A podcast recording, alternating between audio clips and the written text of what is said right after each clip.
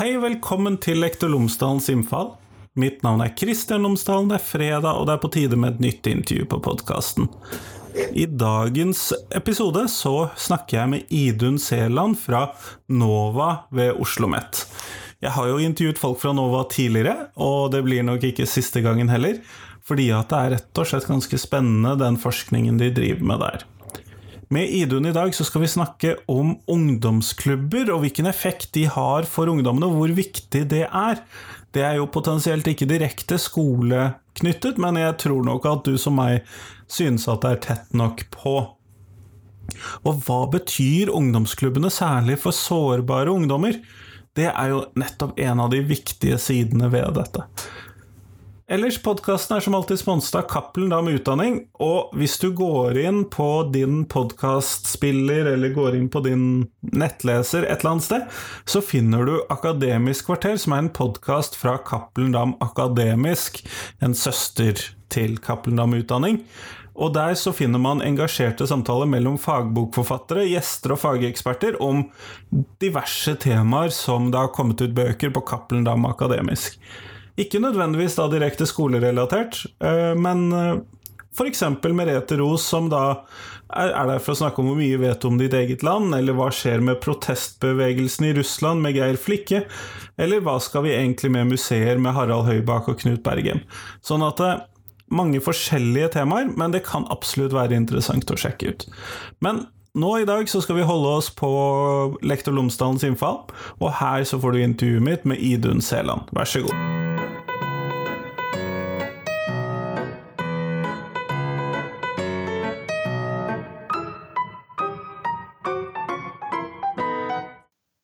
Idun Seland, tusen takk for at du har tatt deg tid til meg i dag. Tusen takk for invitasjonen. Før vi starter selve intervjuet, så hadde jeg håpet at du kunne fortelle lytterne mine tre ting om deg selv, sånn at de kan få bli litt bedre kjent med deg. Ja, da tror jeg de første to tingene er at um, jeg arbeider ved lærerutdanninga ved Oslo OsloMet. Mer spesifikt på skolelederutdanninga. Der har jeg en litt sånn annerledes uh, fagbakgrunn, fordi at jeg er ikke pedagog. Um, jeg er sosiolog og statsviter.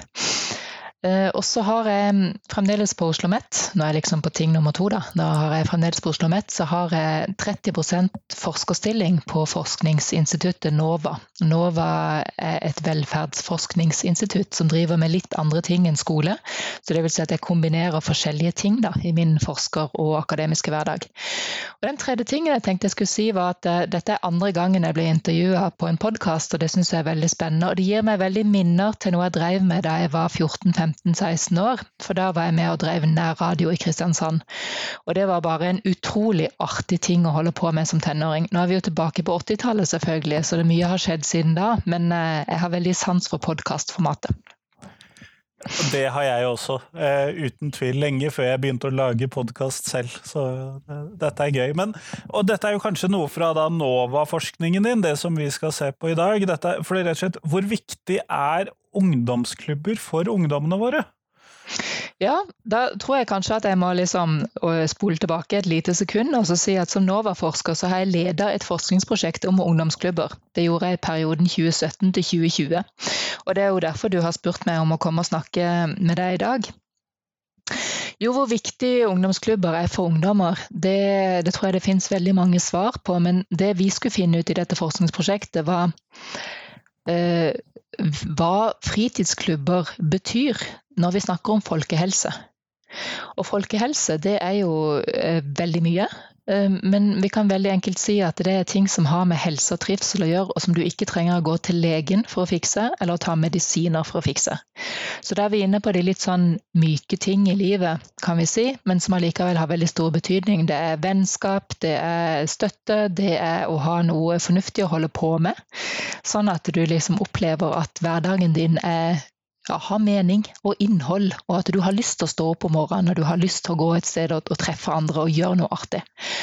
Og der tror jeg fritidsklubbene er på en måte midt i blinken. Nettopp, nettopp. sånn at uh, Dette handler da ikke om sånn, hva skal vi kalle det, der hvor det går over til uh, mer sånn medisinske plager og sånn, men den eh, folkehelsen som Den derre hverdagshelsen vi alle sammen har, da. Ja, det kan du si. Men så tror jeg altså, det finnes ikke en fritidsklubb i Norge som vil markedsføre seg på at de er et folkehelsetiltak. Sånn at vi er liksom ikke der.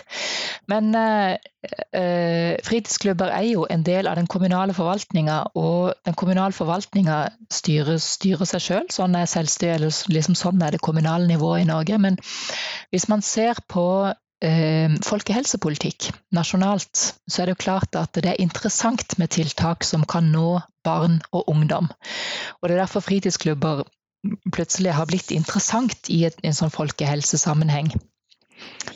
Nettopp. Men altså, når jeg tenker på fritidsklubber og det arbeidet, når jeg har etterlyst fritidsklubber i nærheten av der hvor jeg bor osv., så, videre, så eh, har det alltid kommet svar fra ikke fra helseavdelingen i kommunen. Det har alltid kommet svar fra liksom oppvekst- eh, og skoleavdelingen i kommunen. Er, har, man, har kommunene tenkt på dette som folkehelse, tror du? Eh, nei, det tror jeg ikke de har, og, og det skal ingen klandre de for. fordi at det du sier, at du får svar fra, fra oppvekstavdelinga, av og til kultur, det handler om hvordan fritidsklubber har vært behandla i Norge, eller plassert i, eh, i, en sånn forvaltning i Norge, helt siden 50-tallet. For da har det handla om, eh, for å si det veldig enkelt, da, for det er egentlig mer nyansert, men det handla litt om å holde ungdom vekk fra gata. Det var derfor de første fritidsklubbene ble oppretta. Og siden har det handla om mye mer, bl.a. uttrykk for ungdomskultur. Det å få uttrykke seg gjennom musikk og en masse andre typer kulturuttrykk som vi på en måte kjenner igjen fra fritidsklubber. Og så fra 1990-tallet og framover så har det handla mye om en slags øvelse til demokrati og medvirkning. Altså medbestemmelse. Og det er ofte en, en, en, kobling mellom fritidsklubber og ungdomsråd i kommuner. Men eh, Så folkehelse har ikke vært på agendaen, kan du si. Eh, og så tror vi jo da på grunnlag av dette forskningsprosjektet vi har, at det kan også i grunnen være en uheldig ting. Fordi at um, når kommunene har fått økt ansvar for folkehelsepolitikken, det har de, så er det lett å si at vi skal satse på fysisk aktivitet og f.eks. Eh, rehabilitere eller bygge opp ei lysløype. Men siden fritidsklubbene hører til en helt annen del av budsjettet, f.eks. oppvekst, så kan man si at nei, det er ikke så mange som bruker fritidsklubben, vi må kutte der. Og selv om lysløyper er et godt folkehelsetiltak, så er det nok ikke nødvendigvis de samme som eh, går i lysløypa eller bruker lysløypa som går på fritidsklubben. Så da har Nei. du på en måte satt den ene gruppa opp mot den andre, tenker jeg. Ja, det tror jeg også, men vet vi noe om hvem er det som bruker disse ungdomsklubbene? Vet vi noe om disse ungdommene? Disse fritidsklubbene? Ja, vi vet litt om det, fordi at uh, i alle kommuner i Norge, ikke alle samtidig, men i løpet av eh, la oss si en, fem-seks år, da, så har de fleste kommuner i Norge latt sine ungdommer, særlig på ungdomsskolen, av og til på videregående, svare på ungdataundersøkelsene. Og disse ungdataundersøkelsene gir utrolig verdifull og spennende informasjon, helt anonymisert, om hvordan det er å være ung i Norge. Og, eh, og, på en veldig sånn representativ og, og sikker måte vi kan, vi kan slå ganske være ganske sikre på de tallene vi får derfra. Uansett, det var litt om det datamaterialet som vi har brukt for å se på hvem det er som går på ungdomsklubb. Og nå sa jeg for et minutt siden at det er forskjellige ungdommer som går i lysløypa og bruker fritidsklubber. Det må jeg nyansere litt, at eh, faktisk ser vi at alle typer ungdommer er på fritidsklubber. Det er mye mer sammensatt enn studier av fritidsklubber fra andre land viser. Og at Ok, Vi trodde, basert på det vi visste av forskning om, eh, om ungdomsbruk og fritidsklubber som er, som er, foretatt i andre land, at um, eh, vi ville finne at det er ungdom som kommer fra hjem med, med mindre sosioøkonomiske ressurser. Foreldre med lavere utdanning. At, og at det er ungdom som ikke har noe annet å drive med, som holder på med dette her. Men eh, det vi kunne se på Ungdata, var at eh, det er utrolig sammensatt. Altså Fritidsklubber er, for å bruke en klisjé, det er liksom et, et Norge i miniatyr. Eller et uh, Ungdoms-Norge i miniatyr. Og det som var særlig overraskende, er at de som går på fritidsklubb, de driver også med, med organiserte fritidsaktiviteter. Så dette her er ikke noe enten-eller. Du finner de samme ungdommene ofte i idrettslag da, som du finner på fritidsklubber. Nettopp, det. For man kunne jo tenke seg at uh, dette her liksom ble det stedet hvor man hang når man ikke hadde noe annet å drive med, når man ikke hadde noen andre tilbud? Ja, og så viser det seg nok kanskje heller, og særlig hvis du kommer ut av de store byene, at fritidsklubbene blir det stedet du går når du er ferdig med det andre. Eller kanskje til og med før det andre. En del fritidsklubber serverer veldig billig eller gratis mat, f.eks. Så la oss si at du stikker innom der etter skolen for å gjøre lekser og spise litt, og så går du på trening etterpå. Nettopp, nettopp. Det er jo en litt annerledes bruk av fritidsklubben enn jeg kanskje har tenkt på, da. Ja, og jeg tror kanskje at uh, hvis vi skal Uten at jeg har undersøkt det spesielt, da, men jeg tror kanskje at det er noe inntrykk av fritidsklubbene som henger igjen fra et par tiår siden, og som ikke gjelder i dag, hvis du skjønner. Altså ja, det er fremdeles ja, Unnskyld. Ja, fordi at det måtte man jo selvfølgelig ha undersøkt, men man, det regner jo med at du får et inntrykk når du prater med folk om ungdomsklubber, enten det er i forskningsøyemed eller når du snakker om det ellers? Ja, jeg gjør det, og så kan jeg jo si her er jo du, eh, du er på en måte en, en, journalist, selv om du ikke bare er det når du spør meg om dette. Men jeg, jeg tror kanskje at journalister har en litt sånn bilde av at fritidsklubber er bomberom med et, et bandrom i tillegg.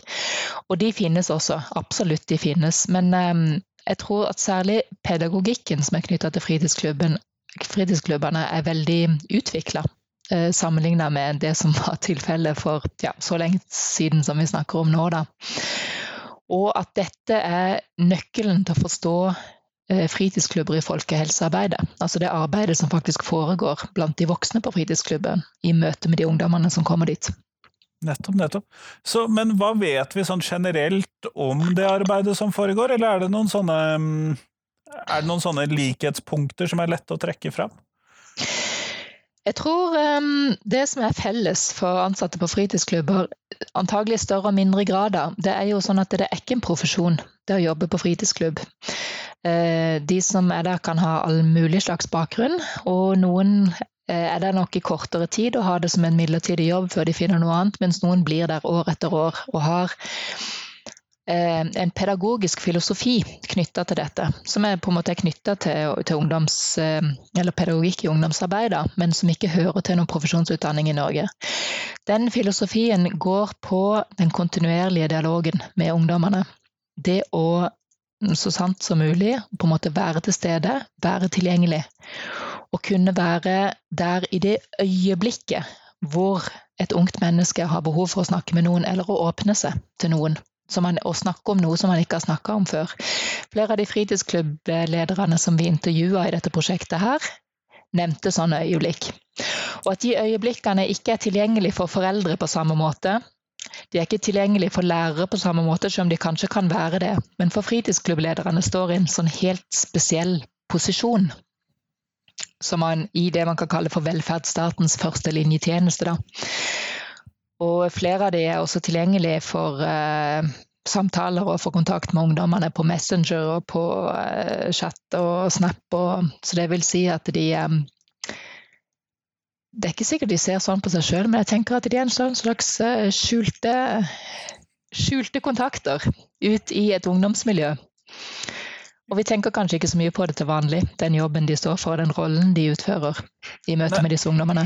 Nei, og jeg tenker jo det at eh, fordi at eh, både jeg som eh, forelder og jeg som lærer har jo, hva skal vi kalle det, et sanksjonsansvar overfor eh, barna mine eller elevene mine eller lignende. Og en, så lenge du oppfører deg sånn rimelig innafor, så har jo ikke en ungdomsklubbleder, en fritidsklubbleder, samme type sanksjonsansvar overfor den det gjelder. Nei, og det er kanskje poenget. Altså Fritidsklubber er veldig mange forskjellige ting i Norge. Det, er de kommunale klubbene, selvfølgelig. Og de er jo underlagt en lang rekke bestemmelser, f.eks. varslingsplikt til barnevernet, hvis det er det hun må gjøre. Men eh, det finnes også en masse private tilbud som drives av eh, religiøse foreninger og menigheter og idrettslag og Lions og sånt noe. Og de har jo ikke noe felles lovverk eller regelverk. Så her er man på en måte overlatt til en slags etikk eller en eh, en måte å drive åpne ungdomstilbud på som ikke er tilgjengelig for innsyn. Men la oss holde oss til de kommunale klubbene og den stillinga de har da, sammenlignet med lærere og foreldre. Og det er jo det at nettopp lærere og foreldre har denne Altså de har en, en, juridisk autoritet, kan du si, i møte med ungdommene, som de absolutt skal ha. Fritidsklubblederne har ikke det på samme måte, men de har allikevel kontakter inn i et kommunalt apparat som kan gjøre at det er nettopp de som kan sette ungdommene i forbindelse med andre tjenester hvis det er behov for det. Og det kan være lavterskeltilbud som helsetjenester, eller altså helsesykepleier. Men det kan også være snakk om mer eh, alvorlige og krevende ting. Og jeg tror, eller sånn som det ble sagt både fra fritidsklubbledere og fritids- eller ungdom som går på klubber, da, at eh, det er lettere å snakke med en fritidsklubbleder om dette. Forutsatt at det er et slags fortrolig og tillitsbasert forhold, enn det kan være å snakke med foreldrene sine eller med en lærer. Selv om jeg tror ikke det utelukker at eh, elever ungdommer kan eh, snakke med lærer på samme måte, så synes det som at fritidsklubblederen her har, eh, har en spesiell status i, eh, i, ungdomsliv. For de som på en måte velger å, å, å, å, bruke fritidsklubber som noe mer enn et sted å komme innom og gjøre lekser og, og prate med noen. Ja, fordi at man bygger jo opp et tillitsforhold over tid, det er jo i hvert fall veldig naturlig så lenge man innbyr til det. Eh, men ser vi noen sånne kjønnsforskjeller i bruken av ungdomsklubber, eller er det noen sånne eh, er det, slett, er det forskjell på om jenter og gutter går til ungdomsklubber, fritidsklubber, eller er det ikke noen sånn forskjell der? Nei, kjønnsforskjeller er det eneste vi ikke ser, kan du si. um, Vi, altså, hvis vi ser på, hvis vi går tilbake til Ungdata, så ser vi på, um, på ungdoms bruk av fritidsaktiviteter eller engasjement i det. Og da er fritids klubber faktisk det nest mest populære tilbudet for ungdom i alderen 13 til 16 år. Det mest populære er organisert idrett. Og så kan du si vi snakker utrolig mye om idrett, men vi snakker veldig lite om fritidsklubber. Og det, når man ser på hvor mange som bruker det, hvor stor andel det er, så kan det være Det, det er litt pussig, tenker jeg. Men, så det er iallfall den aldersgruppa, 13 til 16. Men hvis du kommer over åttende trinn, så synker deltakelsen. Så her er vi altså vi ser ikke noen forskjell på kjønn, men vi ser store forskjeller i alder. Og Kommer du over i videregående, så synker deltakelsen selvfølgelig enda mer. Det er ikke så rart å tenke seg at det er en trend. Så når du er oppe i VG3, eller hvis elevene er 19 år, så er det, det er ingen som går på klubb i praksis. Det fins noen fordi det er noen klubber, fritidsklubber som kaller seg for ungdomshus, og som på en måte har en mer sånn aktivitetsprega, kaféprega profil, og ikke bare en, eh, en sofa, en kiosk og et biljardbord og de tingene der som vi ser for oss ungdomsklubber er. Disse ungdomshusene kan godt ha en eldre aldersgruppe, helt opp til 25. Men eh, ja, det var forskjellen på kjønn. Og så ser vi at i de store byene så er det en eh, nå skal jeg gå litt tilbake til det jeg sa. skal jeg se at I Oslo, som vi har spesielle tall fra, der ser vi at i drabantbyene så er det ungdom med etnisk minoritetsbakgrunn som i noen grad søker til klubbene litt mer enn ungdom som har det vi kaller for majoritetsbakgrunn. Nettopp, nettopp. Så det er en forskjell? Det er en forskjell. Ja. ja. Men ja, og den er ikke stor. Og så er det jo igjen dette her at hvis du ser på sosial bakgrunn, som i forskninga måles med foreldres utdanningsbakgrunn, så er det altså en blanding av alle slags ungdommer på klubber, når vi ser landet under ett. Nettopp, nettopp. Men det høres jo ut som hva skal vi kalle bruken av ungdomshus avtar litt på samme tid som bruken av det å være med i idrett, aktiv idrett, eksempel? Kan det Ja, det er rett. Det er riktig det du sier der. Det, det er en tendens som jeg, som jeg, akkurat faktisk nå innser er parallell. Så det er jo noe med altså, hva, hva skjer når man går Eh, inn i liksom siste halvdel av ungdomsskolen, i løpet av niende klasse kanskje. Eh, trinn. Um, fordi at 15-åringer eh, slutter også i større grad med idrett, ja. De gjør det. Mm. Det, er det, det, er i hvert fall det inntrykket jeg ser av egne elever og egne barn og eh, naboer osv. Så, videre. så er det liksom, når de kommer opp i ungdomsårene, så er det da man skal finne seg sjøl og sånn? ja, man skal finne seg sjøl. Og nå er det faktisk et helt annet forskningsprosjekt som jeg holdt på med for to år siden. Det, det handler litt om eh, Det handler faktisk om, eh, om kjønnsfordeling i, eh, i barne- og ungdoms fritidsaktiviteter. Og der var vi inne på dette med, med idretten og hvem det er som slutter der. Eh, jenter slutter før gutter i idrett. Um, men grunnen til at de slutter, det er flere ting. Altså I idretten så er det fordi at det kanskje blir litt eh, strammere krav. rett og slett, etter hvert som tenåringene blir eldre. Men de sier også at skolen tar mer tid, og at eh, ja, det er andre ting de har lyst til å bruke tida på, rett og slett. Og nå har vi jo ikke spurt folk om de slutter å gå på fritidsklubber av den samme årsaken, men eh, vi kan jo vi kan jo eh, sende dette ut som et forskningsspørsmål. Det er kanskje noen som har lyst til å undersøke det. Hvorfor slutter det... ungdom å gå på fritidsklubb når de kommer i slutten av ungdomsskolen? Ja, men, og Vi skal jo eh, innom noe kanskje relatert til det, men dette her, nå, det siste året så har det jo vært ganske mange stengte ungdomsklubber. At mange ungdomstilbud har vært stengt ned. Eh, hvilke tanker gjør du deg rundt det?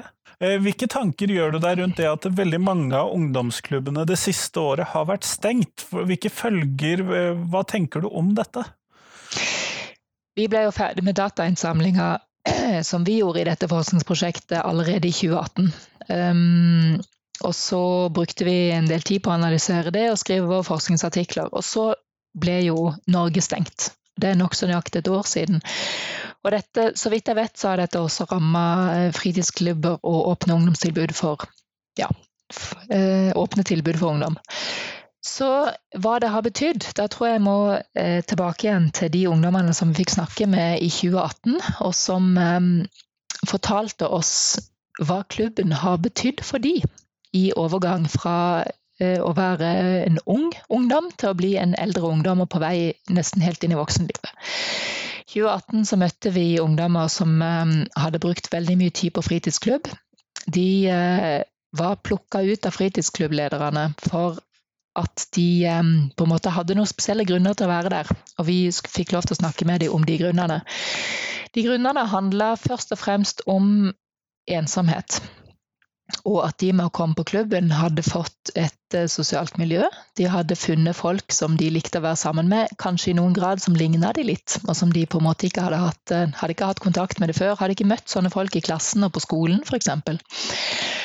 Um, Flere av de fortalte jo om betydninga av eh, det å snakke og få være i lag med de ansatte, de voksne på klubben. Og eh, på en måte ha de som en slags sånn ekstra voksenpersoner som de kunne snakke med.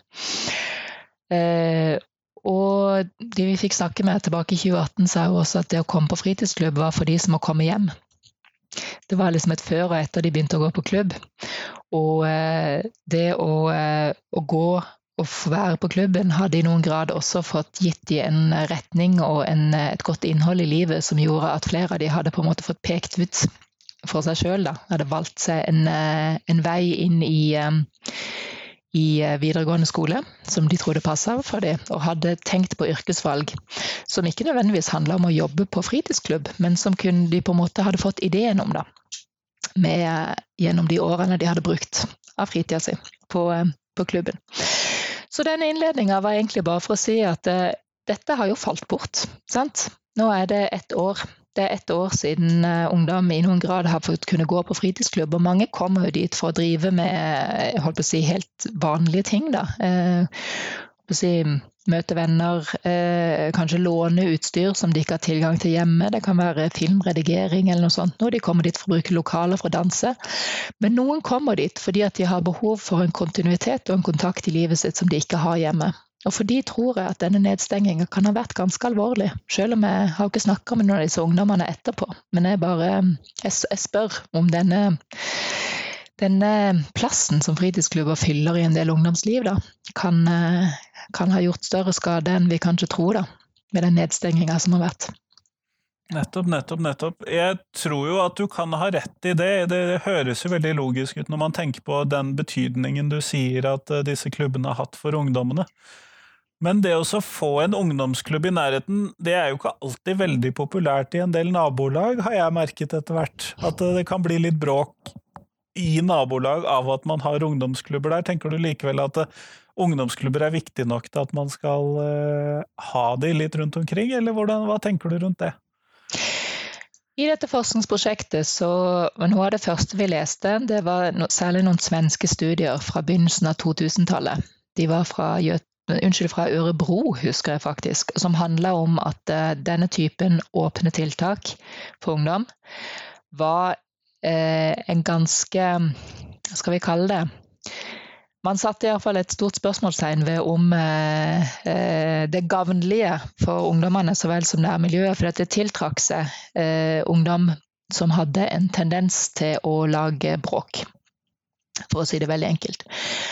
Eh, dette er altså, nå er vi på, eh, på svenske ungdomsklubber i Sverige for 20 år siden. Og så tenkte vi ja, ok, hva, hva skyldes det? Og så kunne vi jo se at disse studiene var nok kanskje Altså, ungdomsklubber i Sverige kan sikkert være andre ting enn i Norge, det har ikke vi klart å gå helt i dybden av. Men saken er at vi tror at disse klubbene ikke var drevet med en så eh, bevisst pedagogikk som de norske klubbene er i dag. Og så la vi merke til i disse svenske studiene at de som brukte disse klubbene for 20 år siden i Ørebro, de holdt ikke på med noe annet. Det var sånn som du sa innledningsvis, at det var, eh, det var de som ikke hadde noe annet å gjøre.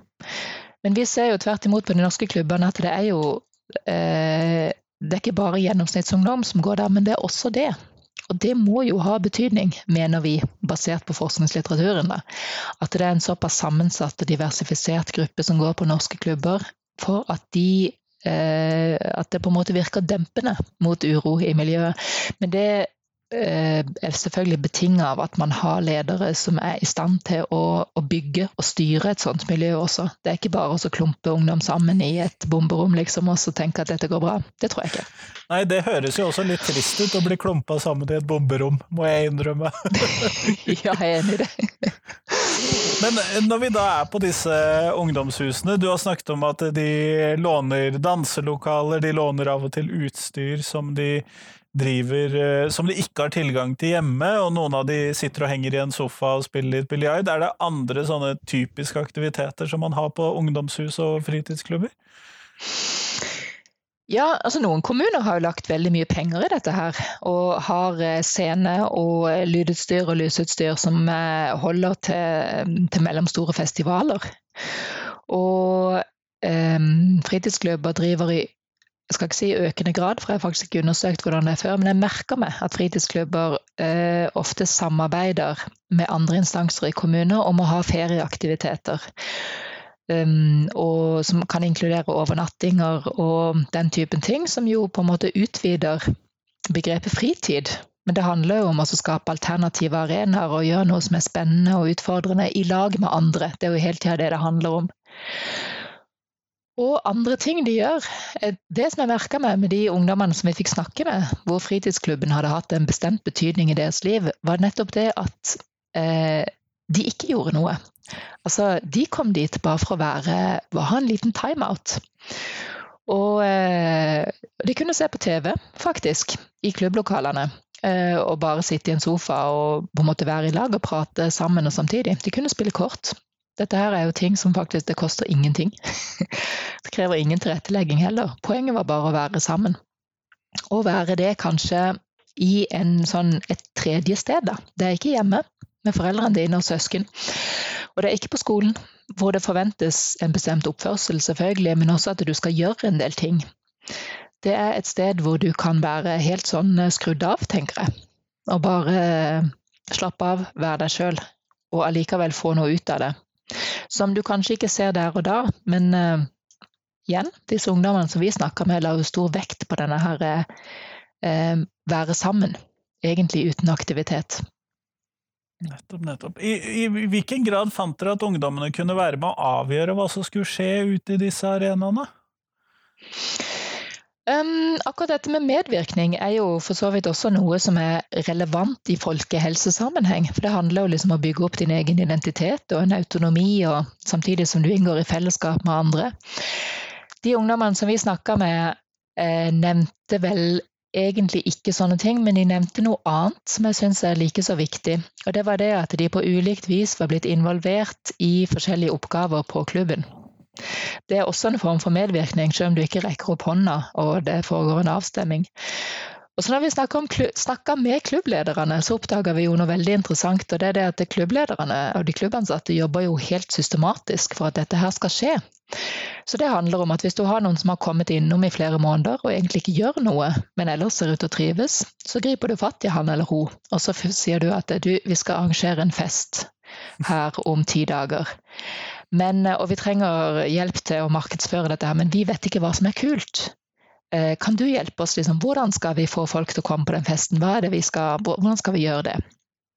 Og da får man sånn sett tak i og får en dialog med den personen. Og hvis det, det, dette er det her som handler om å på en måte bli involvert i nye ting og oppleve mestring, hvis det der går, så er man klar for større oppgaver og andre oppgaver.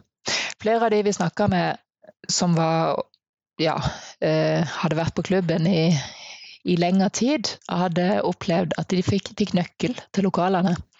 Og som de sa, ja vi har nøkkelen, men ikke til, ikke til kioskskapet, ikke til godteriskapet, liksom. Men, de, men altså, det vil si at det, tillits, det tillitsforholdet som oppstår der, og at man, opp, man utfører oppgaver. Åttende klasse skal ha en fest, kan du komme og være medhjelper? Kan du komme og være vakt sammen med oss? Sant? Kan du komme og stå i døra på onsdag når vi skal ha eh, konsert her?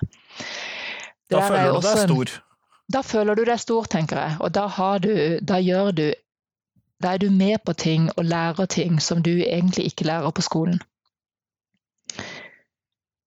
Det tror jeg kan være verdifullt for mange av disse, for dette må jo være en god mestringsarena, særlig for noen av ungdommene som kanskje ikke mestrer så mye i løpet av skolehverdagen, f.eks. Ja, og det var det flere fritidsklubbledere som la stor vekt på. Det er nettopp det der at um, at ungdom som kom på klubben, kunne oppføre seg helt annerledes på klubb enn det de kunne, enn det, det de hadde erfart at skjedde i skolen. Og Det er jo kontakt mellom de ulike kommunale instansene dette her, tenker jeg. Og når det virkelig spiser seg til, det hender det at det gjør noen ganger, så eh, kan man komme i situasjoner hvor f.eks. barnevernet er inne og lærere er inne. Og det var en lærer som hadde sagt til en av disse klubblederne om en en gutt. som tør du å være alene med han? Og klubblederen hadde sagt at ja, selvfølgelig gjør jeg det. For denne gutten oppførte seg helt annerledes på klubb enn det han gjorde da i skolen, hvor det var masse, masse problemer. Og sånn sett så kan klubblederne jeg holdt på å si på bakrommet, men du er ute av klubben, du er liksom inne i de kommunale instansene og kommunale tjenestene. At klubblederne kan være med på å løse opp i en del problemer som ingen andre vet kan løses. Sant? For de har denne helt spesielle relasjonen til en del ungdommer som kan ha det fryktelig vanskelige perioder i livet. Nettopp, nettopp. Jeg kan jo også tenke meg at det kan eh, være et verdifullt bidrag, ja. ja absolutt. Det høres sånn ut. Men tusen takk for at du tok deg tid til meg i dag, Idun. Bare hyggelig. Og så Jeg vet faktisk ikke hvordan jeg avslutter uten de der tre spørsmålene.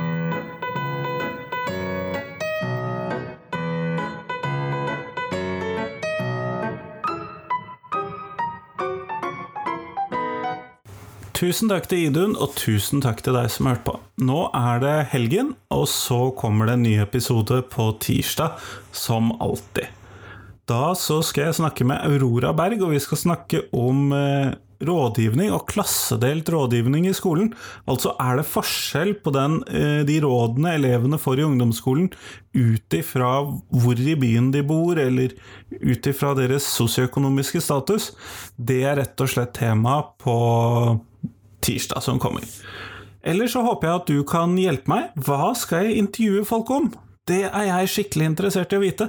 Fordi at eh, Greit nok, jeg har god fantasi og begynner å få god oversikt over Skole-Norge, men jaggu om ikke det er mye som jeg er nødt til å få med meg, sånn at eh, jeg trenger hjelp. Send meg tips til interessante mennesker eller interessante temaer eh, å intervjue. Er det en elevstemme som du mener at trengs å høres? Er det en foreldrestemme? Det har jeg ikke hatt så veldig mye av. Er det mm, en lærer, rektor, skolepolitiker? Hva vil du høre på podkasten? Send meg tips om det. Hvis du går inn på lektorlomsdalen.no, så finner du forskjellige måter å sende til meg på. Du kan også sende til meg på Facebook og Twitter og Instagram og alle andre steder hvor du kan søke opp at lektorlomsdalen så der finner du alt sammen. Jeg gleder meg til å høre fra deg, og så satser vi på at du får en god helg. Og så høres vi. Hei, hei!